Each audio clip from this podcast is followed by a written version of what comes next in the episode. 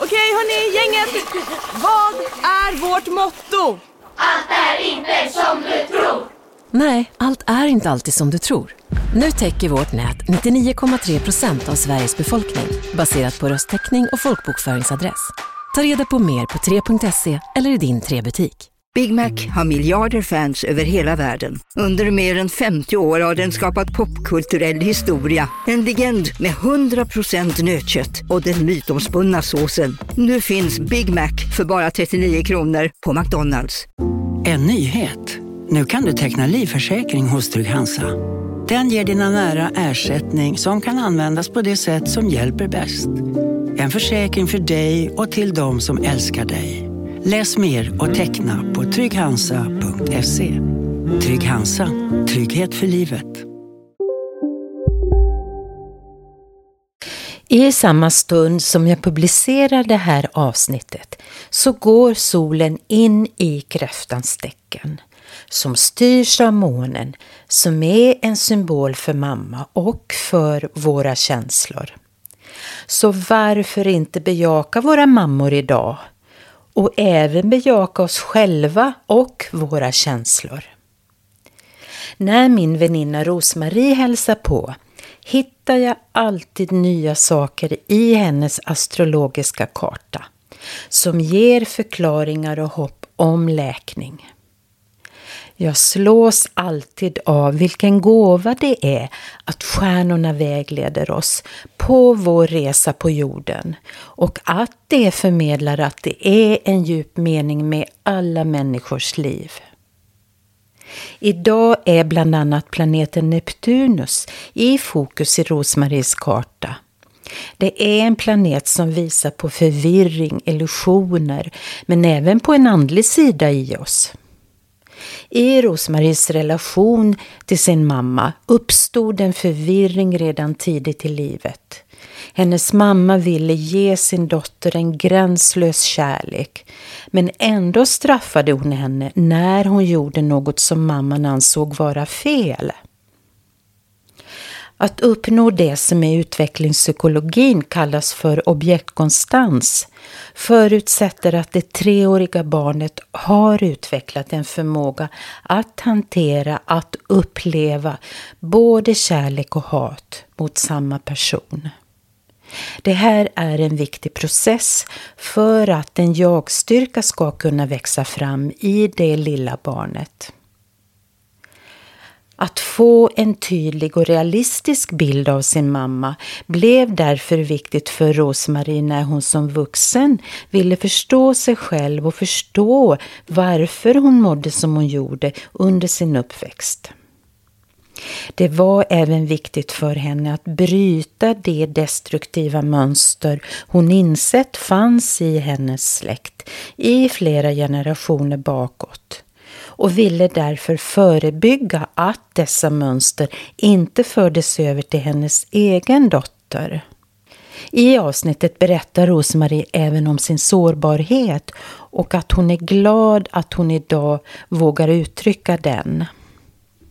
I vårt samtal pratar Rosmarie om mentaliseringsprocessen som är synonymt med förmågan att förstå sina egna och andras tankar och känslor och sin egen inre värld och även andras.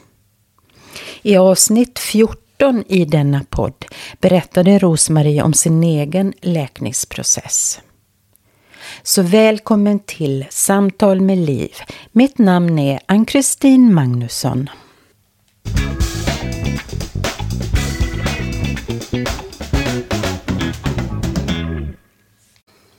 Ja, men välkommen Rosmarie. Tack Ann-Kristin. Ja, här sitter vi nu i mitt vardagsrum. Ja, vad mysigt. Ja, och det är ju här vi brukar ha våra samtal och eh, då bestämde jag att idag spelar vi in vårt samtal. Ja, då är det väl bäst att lyda. ja, annars får du inget kaffe. Annars får jag inget kaffe, nej. Det har du fått redan. Ja. ja, nej det blir spännande. Får vi se vad det är ja. du har hittat på den här gången då. Ja, jag har ju inte förberett mig så mycket, men eh, astrologi är ju alltid ett gångbart ämne oss emellan. Mm, absolut, jättespännande. Så det är väl ungefär 500 gången jag tittar på din karta. Ja, får vi se vad du hittat nu då. Du har ju verkligen varit mitt försöksobjekt nu i många år. ja, intressant. Kommer du ihåg att eh, jag hade föredrag en gång om din karta? Ja, det kommer jag ihåg. Det var jättespännande att höra.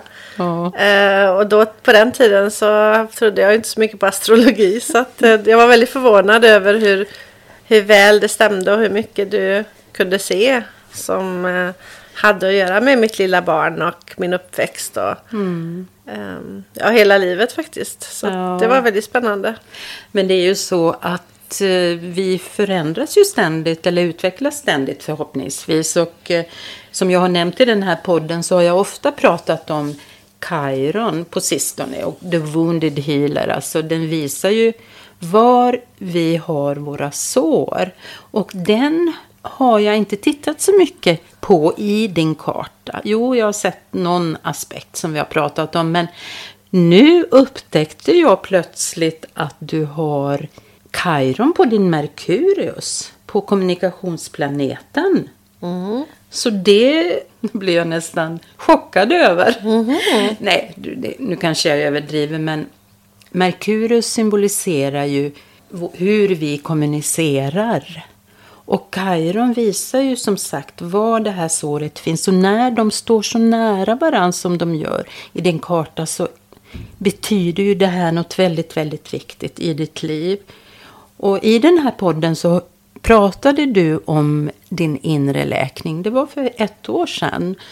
Så det här är kanske inget nytt egentligen för dig, även om jag inte har tolkat den här aspekten. Men den visar på, oberoende av om du vill erkänna det eller inte, så har du djupa sår från din barndom. Nu vet ju jag att vi har pratat om det.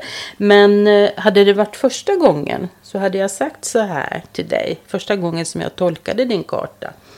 Så det troliga är att du kände dig avvisad, mobbad, förbisedd, sviken, kritiserad av en av dina föräldrar som hade höga krav på dig och eh, gav dig en känsla av att du inte var tillräckligt bra. Ja, det stämmer ju alltihop. Kan man väl säga i vissa delar.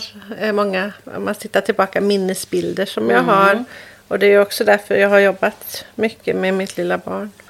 Och oftast så när man har en sån aspekt som du har här då så innan man, går in i den här läkningen så trycker man ju ner det här såret. Man vill inte kännas vid det och det får inte stiga upp till ytan och man gör sitt bästa för att driva det ur sitt sinne så att säga. Och, eh, eh men man lurar ju bara sig själv. Mm. Ja, det är ju ett försvar tänker jag för att kanske inte riktigt vilja gå in i den känslan igen. Som är omedveten tror jag. Mm. Det som är väldigt intressant det är att en liknande aspekt som den här den är så kopplad till din livsuppgift och ditt kall här i livet. Så att det är nästan förutsättningen för att du ska nå din livsuppgift. Det är att du läker det här såret. Och då får man ju också lyfta fram såret till ytan, uttrycka det, känna det och sen integrera det. Och, och som jag förstår det så har du ju gjort det mycket i ditt liv. Mm. Jag har ju fått mycket hjälp av, eh, ja särskilt dig då. Eftersom eh, jag träffade dig så, så dog ju min pappa i samband med det de första åren vi träffades. Och det var väldigt mycket som kom upp från just min pappa. Så att vi har jobbat mycket med den övergivenheten och ansvarskänslan, otillräckligheten och värdelösheten. Så den delen har vi väl jobbat mest med tror jag med pappa. Jo, men jag håller med dig. Och nu kan jag inte säga om den här aspekten direkt är kopplad till pappa eller mamma. Utan det, man kan väl säga rent allmänt att du har de här upplevelserna. Men sen ser jag ju också hur väl den är kopplad till ditt livsmål. Och det är ju det att du är ju pedagog, du kommunicerar, du pratar. Eh, och du lär dina elever utifrån din egen läkning. Mm. Är det inte så? Jo, genom att eh, läsa psykologi så har jag fått mycket bra förklaringsmodeller och kunnat arbeta på ett annat sätt och koppla det till det intellektuella. Sätta ord på det och försöka få en förståelse. Och då är det också när, alltså lättare att närma sig eh, de här känslorna när jag har sorterat då genom ja, känslor, tankar och logiskt resonemang. Så det har ju varit en hjälp till mig i undervisningen. Att jag har gått igenom svåra saker så jag har personliga erfarenheter. Fantastiskt egentligen. Och när jag tittar på din karta så eller rent allmänt just nu så ser ju jag att Neptunus som är, det är ju egentligen en väldigt andlig planet.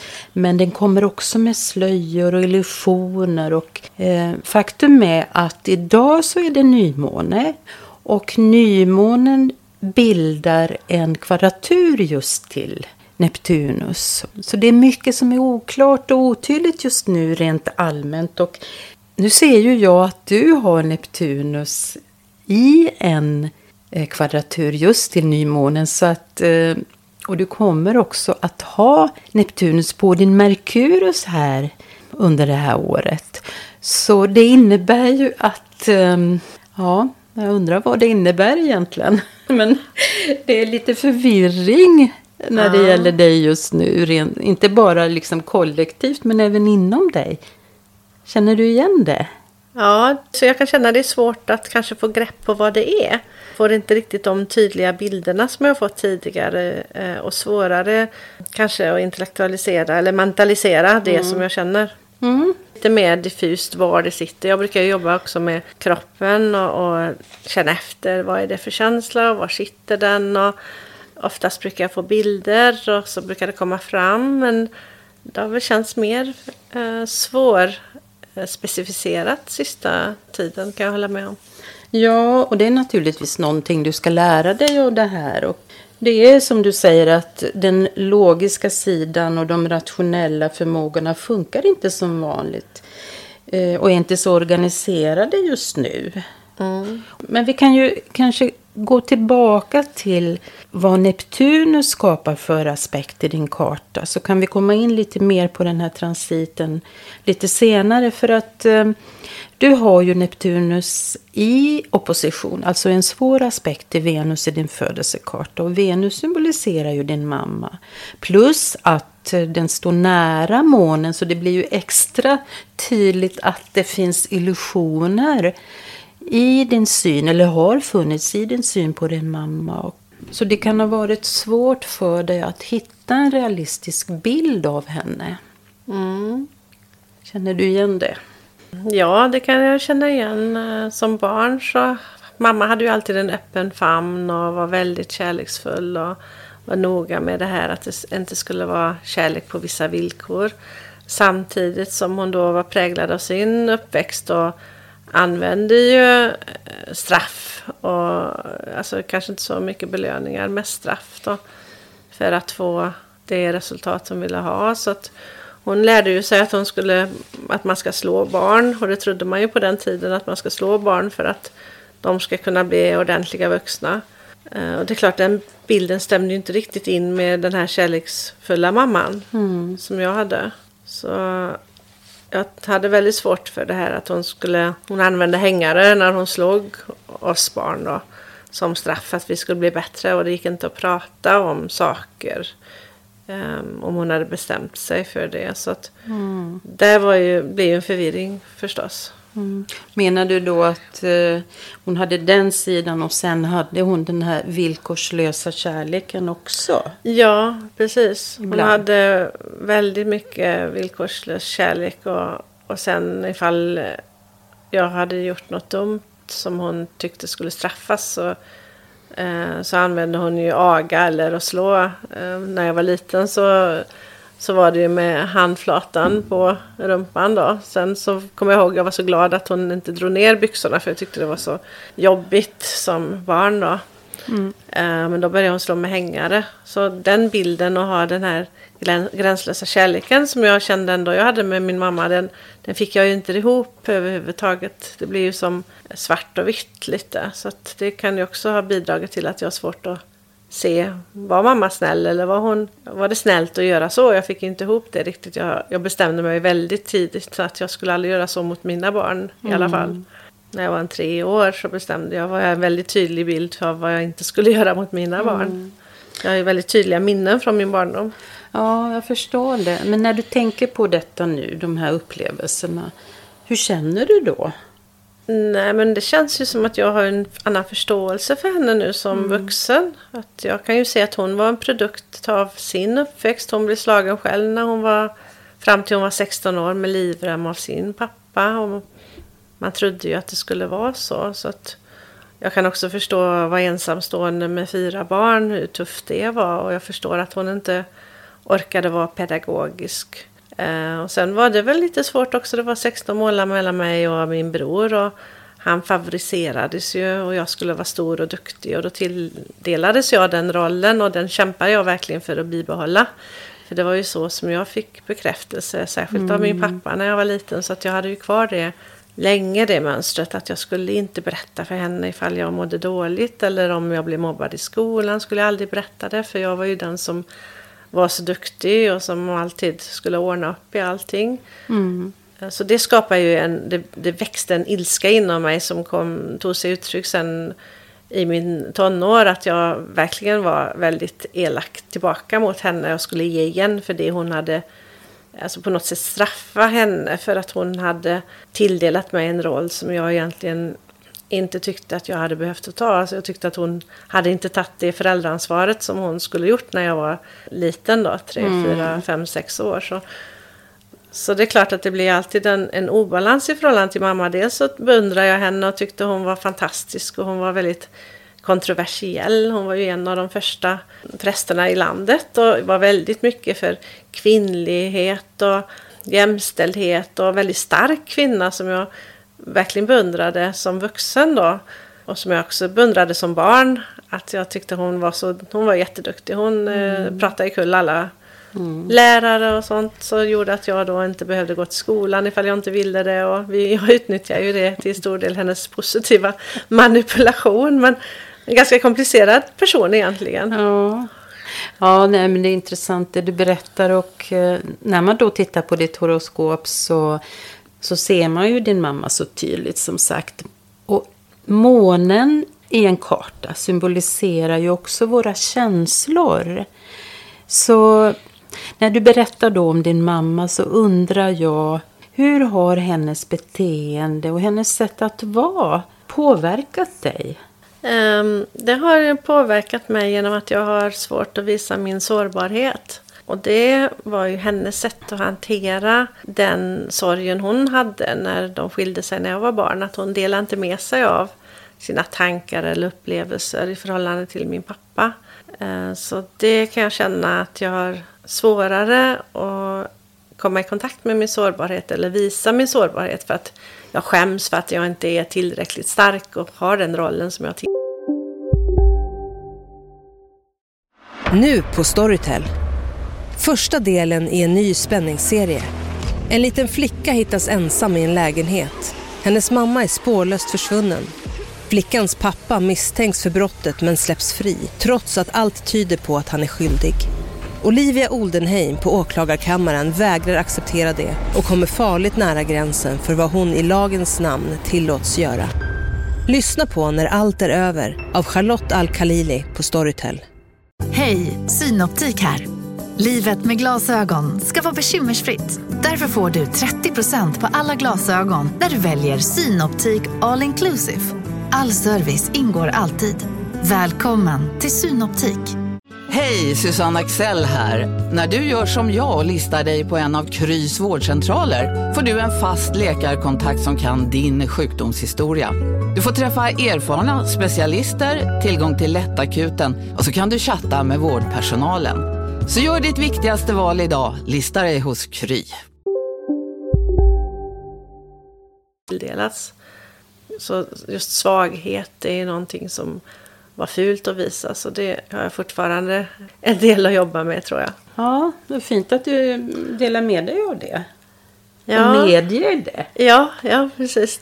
Det visar det... ju att du har ändå kommit en god bit på väg. Ja, och det skulle jag väl önska mig att jag hade naturligt mer att jag kunde visa min, min sårbarhet istället för att jag då har en försvar. Nu har det ju blivit bättre med åren men tidigare så försökte jag mig på alla sätt att jag, jag skulle inte visa min sårbarhet och tog sig uttryck av att jag hade väldigt svårt att ta kritik och, och, eftersom den bilden måste vara så bra då. Så att min mm. självkänsla har jag jobbat mycket med för att jag ska känna att eh, jag inte, nu är jag inte så känslig för kritik på samma sätt utan mm. jag, jag säger ja, ja men det, ja, ja, men det, man, man kan tycka olika. Mm. Så det, det har jag blivit fått, fått en mycket bättre självkänsla. Och jag tycker väl att jag har rätt bra självkänsla idag men just den här djupa sårbarheten som, som man har på något sätt med sig in som är väldigt vacker och väldigt skör. Mm. Eh, den har jag svårare att komma i kontakt med för den visade aldrig min mamma. Nej, och det, vi kan ju inte komma ifrån att uh, mamma är vår förebild. Nej, precis. Så vi, det är så ingrodda mönster vi har sett och redan tidigt, tidigt. Uh, från allra första början. Mm. Så, men det, det viktiga är väl att, att vara medveten om hur det är. För där kommer ju eh, det här att ha en tydlig bild som är så viktigt när Neptunus är inblandad. Mm. Det är ju så vi växer. Och sen kanske vi aldrig blir klara. Vad mm. tror du om det? Ja, så det hoppas jag ju att jag ska bli. Jag jobbar ju på det. jag har ju en tro på att det kommer ju när det ska komma och det kommer komma andra omständigheter som gör att jag det känns inte som det är svårt egentligen. Det känns bara som att det är ett mönster som har satt sig. Mm. Och sen känns det också som att träffar jag rätt människor som, som jag har tillit till så har jag ju lättare att, att, visa min sårbarhet. Då är det inte svårt alls. Utan det har någonting också att göra med min tro i förhållande till andra människors energier på något sätt. Om de har lätt att visa sin sårbarhet så har jag ju lättare att göra det också. Mm. Och därför är det så viktigt att man vågar visa sin sårbarhet. Man vågar prata om att man har svårt att visa sin sårbarhet, tänker jag. Mm. För annars kan man ju inte tillåta andra människor att göra det heller. Och, och det är ju ändå det vackraste som man kan dela med en annan människa. Mm. Fint sagt. Du, du. Nej, men det här är så viktigt. Ja, men det är ju så att när stjärnorna står rätt så kommer de personer in i ditt liv som kommer att hjälpa dig med det här. Mm. Och det har jag ju sett så tydligt så många gånger. Det löser sig och det är ju det som gör livet så spännande. Mm, och det är ju någonting som jag också Eh, lever mycket mer numera med en mer avslappnad hållning till allting. För jag tänker att ja, men det kommer när det kommer. Det är inte något som jag behöver sträva efter eller jobba för. Utan det enda som jag behöver eh, ta ansvar för det är just att se till att jag har en hälsa och att jag inte pressar mig och att jag inte tvingar mig till att hasta på någonting. Att nu, oj, nu måste det här läkas eller nu måste jag jobba med det. Utan jag tar det när det kommer eller jag känner att jag måste på något sätt. Mm. Um, och ha tillit till att det kommer, som ja. du säger, andra människor eller andra situationer som löser det så småningom. Men eh, då har du en avslappnad hållning till detta och att um, ja, du har släppt taget. Och det är ju inget som är något stort sår idag, eller hur? Nej, jag tänker att ja, ja men det är ju som det är. Jag, jag, jag får göra det bästa utifrån de förutsättningar jag har. Och så mycket mer kan jag inte göra, jag är ju bara människa. Det är ungefär som med städningen hemma och köket och allt det där. Jag tar det jag hinner och sen får det vara det som är. Jag, vi är ju bara människor. Ja, jag håller med dig. Men nu, om vi ska återgå till um, Neptunus här som jag tycker är så spännande nu i din karta. Och eh, vi nämnde ju då att eh, det är lite svårt att veta vad som är vad. Man är lite förvirrad just nu när man har den här transiten som du har. Men det som också är väldigt intressant det är ju att eh, Neptunus är ju en väldigt andlig planet. Så att eh, det innebär att du kan ha en ökad förmåga att känna av vad andra människor vill ha och behöver och att du är väldigt uppkopplad.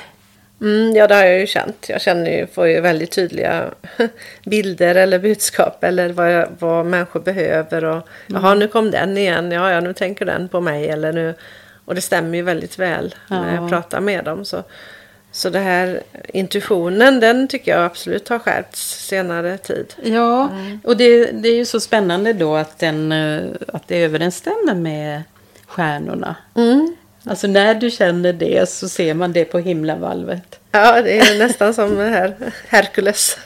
när stjärnorna står på visst sätt, då kommer det här att hända. ja, men precis. Nej, men det, det som är kruxet här då, det är ju att det, den logiska sidan av din hjärna är grumlig. Men då tänker jag så här. Då är det ju viktigt att vara noggrann när man ska, eller när du ska berätta eller förklara saker för att eh, eftersom den här intuitiva sidan, den andliga sidan är så stark i dig just nu så kan det annars skapa förvirring. Det kan bli felsägningar, man tar fel på dag och datum. Så lösningen är kanske att vara väldigt, väldigt noggrann. Eh, mm. Det är så jag tolkar det just nu. Jag kanske får nya insikter så småningom. Men... Jag har tänkt precis tvärtom, att jag släpper allt och bara ber om att det ska ordna sig. För jag orkar inte ens tänka på det. För det, det kommer, jag måste ha en bild av att ja, men det löser sig ändå. Och blir det fel där så är det väl någon mening med det då. Ja. Så jag har nog blivit mer avslappnad i förhållande till det. För jag kan ändå inte ha koll på läget känns det som.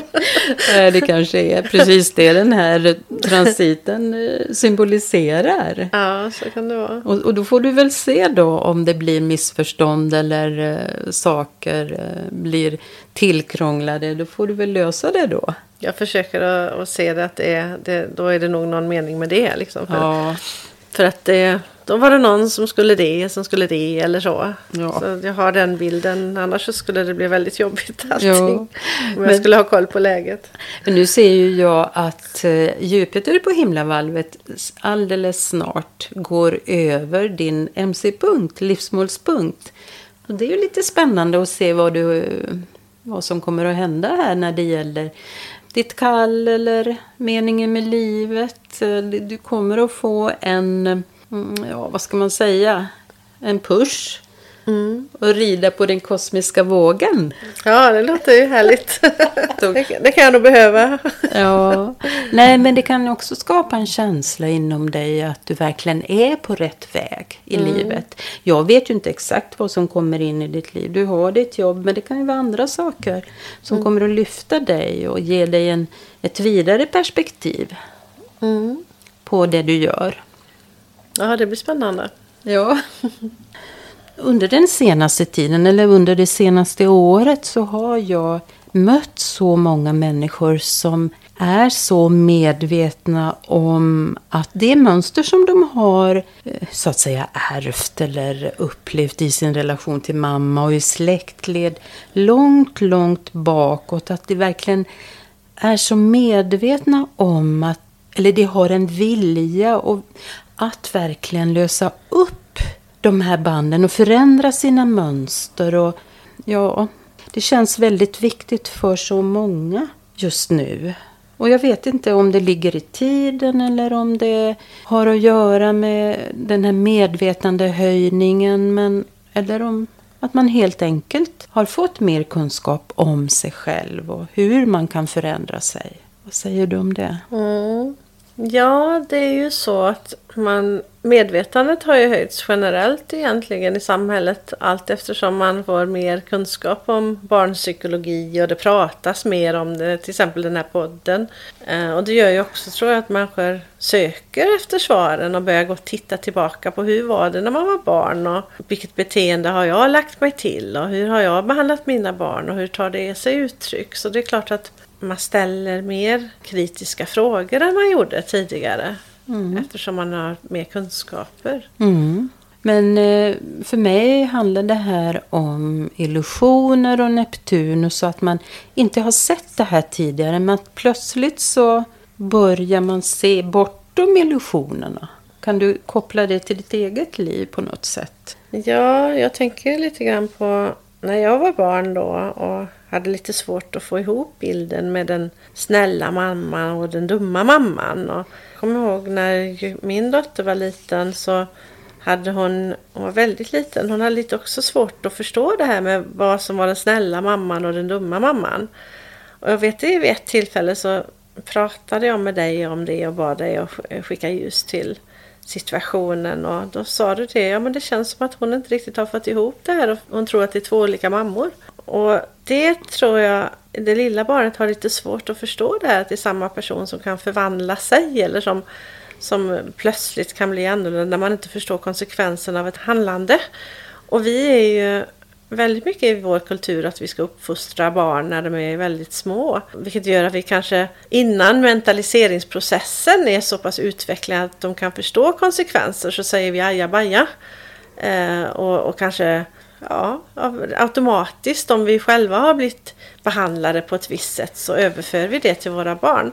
Och det, det tror jag är en liten knut eh, på något sätt som har satt sig i, i vår familj som ett beteende där vi, vi jobbar med verkligen att bryta det här med eh, straff och belöning men vi har ju inte lyckats så bra eftersom vi ändå har det sättet att lösa konflikter med. Vi har ju, hela samhället är ju det här med straff och belöning så att ja, jag hoppas att det, det är någonting som både jag och andra kan lösa framöver. Att det man får andra verktyg, särskilt när det gäller att uppfostra barn. Ja, verkligen. Så det här att på något sätt, jag tror att du jobbade rent energimässigt med det här att integrera så att hon förstod att det skulle vara en mamma. Mm. Um, att mamma både kan vara snäll och, och dum men att det är samma mamma. Och har man inte fått med sig det själv i barndomen så det kan det vara svårt att vara tydlig med barn. Man har svårt, man har inte riktigt den balansen i gränssättningen och det hade ju eh, jag väldigt svårt för när jag blev mamma och min mamma hade ännu svårare för det när hon var mamma. Så att även om det mildras för varje generation så tar det ju tre generationer innan man kan ändra ett beteende. Så det kan ja. vara svårt när man är pressad också som småbarnsförälder. Naturligtvis. På vilket sätt påverkar det oss om vi inte får ihop de olika delarna? Det lilla barnet, tänker mm. du? Ja, dels är det ju ett mönster som gör att man har samma beteende när man själv får barn. Eh, och sen skapar det också en lite jobbig känsla i förhållande till ens mamma. Mm. Någonstans känner man att man inte kanske vågar visa sin sårbarhet eller sina mm. känslor. Så tog det i alla, sig, i alla fall sig uttryck med mig då. Mm. Så just den här vuxna relationen när man har en vuxen dotter och så. Den, det, det, blir liksom ett kvitto på något sätt ifall man inte har kunnat få lösa upp de här knutarna. Och, och det, det är så synd då för man skulle ju verkligen vilja ha ett flöde mamma-dotter. På samma sätt som man kanske har med sina söner. Men sönerna överför man inte kanske på samma sätt. Nej. Forskning visar ju också att det är mammorna som för över på flickorna. Man ställer högre krav och så vidare. Mm. Så det här är ju egentligen ett samhälls... Alltså väldigt viktigt för hela vårt samhälle att bli medveten om och förändra. Ja. Så att vi ska kunna bli hela vuxna människor som kan hjälpa barnen att också få hela och bryta det här mm. mönstret som har funnits i generationer. Ja. Det skulle jag verkligen önska att eh, mm. medvetandet är ju första steget innan man kan göra någonting åt det. Ja, ja, men så är det ju. Men jag upplever till min glädje att allt fler ändå börjar inse hur viktigt det här är. Mm. Så att det är på gång och... Eh, ja, men här kommer ju skuld och skam också in. Eh, vilket är roten egentligen till svårigheten att känna glädjen i att bara vara och ha tillit till att allting är som det ska och att man är i flödet. Det är ju så mycket svårigheter som blir när man inte har löst upp de här delarna som, som ärvs. Alltså om man pratar om arvsynd så är det väl det en arvsynd om något. Mm, verkligen. Jag. Men som sagt, det är väldigt glädjande ändå att se att många håller på att bli så medvetna idag. Om just de här mönstren och allt det du pratar om. Så det får vi vara glada över. Ja du, Rosmarie, är det något mer du vill säga innan vi avslutar och pratar lite om Neptunus här? förvirringen? Nej, men jag tycker det är intressant att du kan se den här att jag vet att du har nämnt det någon gång innan att de här skuggorna, du ser inte riktigt din mamma klart. Eh, det var ganska många år sedan som du sa det. Och, och det stämmer ju att det, det är mycket mer komplicerad bild än min pappa ser väldigt klart hans fördelar och nackdelar och hur det har tagit sig uttryck och på vilket sätt det har påverkat mig. Men just mamma där är ju mycket svårare så där har jag ju inte de svaren. Utan det, det här är ju bara, känns lite mer som spekulationer. Ja. Jag kanske får återkomma när jag har fått mer svar på det. Eller så finns det andra människor som säkert kan hjälpa eh, som kommer. Som, mm. Ja. Kanske kan lösa det som inte jag har löst. Det. Vi får hoppas på det. Mm. Men eh, ja, det här blev ett avsnitt som handlade om mamma som ju verkligen är i fokus här i podden just nu. Och det handlade om Kairon, om Soren och det handlade om Neptunus och den förvirring som råder och som eh, jag hade lite förslag på till dig då att du skulle tänka på ett visst sätt. Men då sa du något annat. Ja, du tyckte jag skulle kontrollera mer och, och, se till så det inte blir missförstånd och så här. Och jag kände precis tvärtom att nej, nu släpper jag allting och visar bara till dit. Och jag ber en bön om att allting ska bli bra för nu orkar jag inte ens tänka på det mer. ja, men det, det är ju också ett sätt. Och, uh, Sen vet jag inte om det är där ett flyktbeteende, en försvarsmekanism, men det känns ju bra mycket enklare. Ofta löser ju sig saker, det är ju ingen som dör liksom. Nej. nej, nej, men alltså vi ska inte komma med en massa lösningar här idag utan vi, vi konstaterar att förvirring råder. Mm. Och, och låt det vara så då. Och när jag känner som mest förvirring så sätter jag på Ann-Kristin och lyssnar på hennes stadiga, trygga röst. Leder mig igenom detta kaos. Så tack så mycket för en fin podd, Ann-Kristin. Ja, nu blir det klubben för inbördes beundran. Ja, den behöver vi ha när det svajar. Ja, det låter jättebra. Mm. Men du, tack för samtalet. Ja, tack så mycket. Ja, och tack kära lyssnare. Jag hoppas vi hörs igen.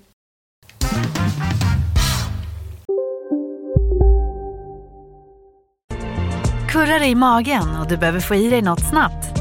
Då har vi en Donken deal för dig.